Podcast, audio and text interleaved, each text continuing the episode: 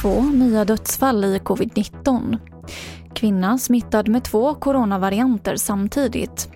Och flest telekomkunder klagar på Telia. TV4-nyheterna börjar med att två nya dödsfall har rapporterats in i covid-19 idag och totalt har nu 14 645 personer avlidit av sjukdomen här i Sverige sedan pandemins start.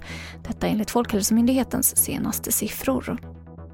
En 90-årig belgisk kvinna avled i mars i år och senare så har det bekräftats att hon var smittad av både alfa och beta-varianten av coronaviruset samtidigt. Enligt belgiska forskare så är det här första bekräftade fallet av två smittor, men att det troligtvis är vanligare än man hittills vet. Vi har virusforskaren Hali Mirazimi.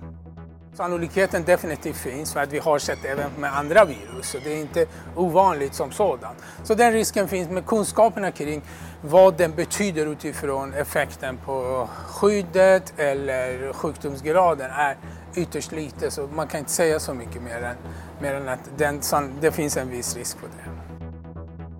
Telia ligger i topp när det kommer till klagomål till Konsumentverket på telekombolag. Och anmälningarna har ökat med hela 200 procent på fem år. Klagomålen på Telenor har ökat drygt 100 procent under samma period.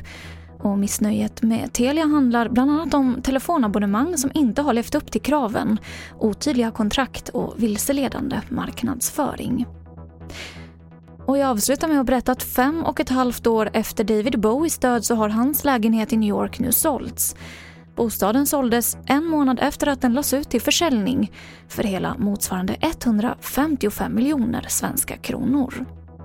Och det här var det senaste från TV4 Nyheterna. Jag heter Emily Olsson.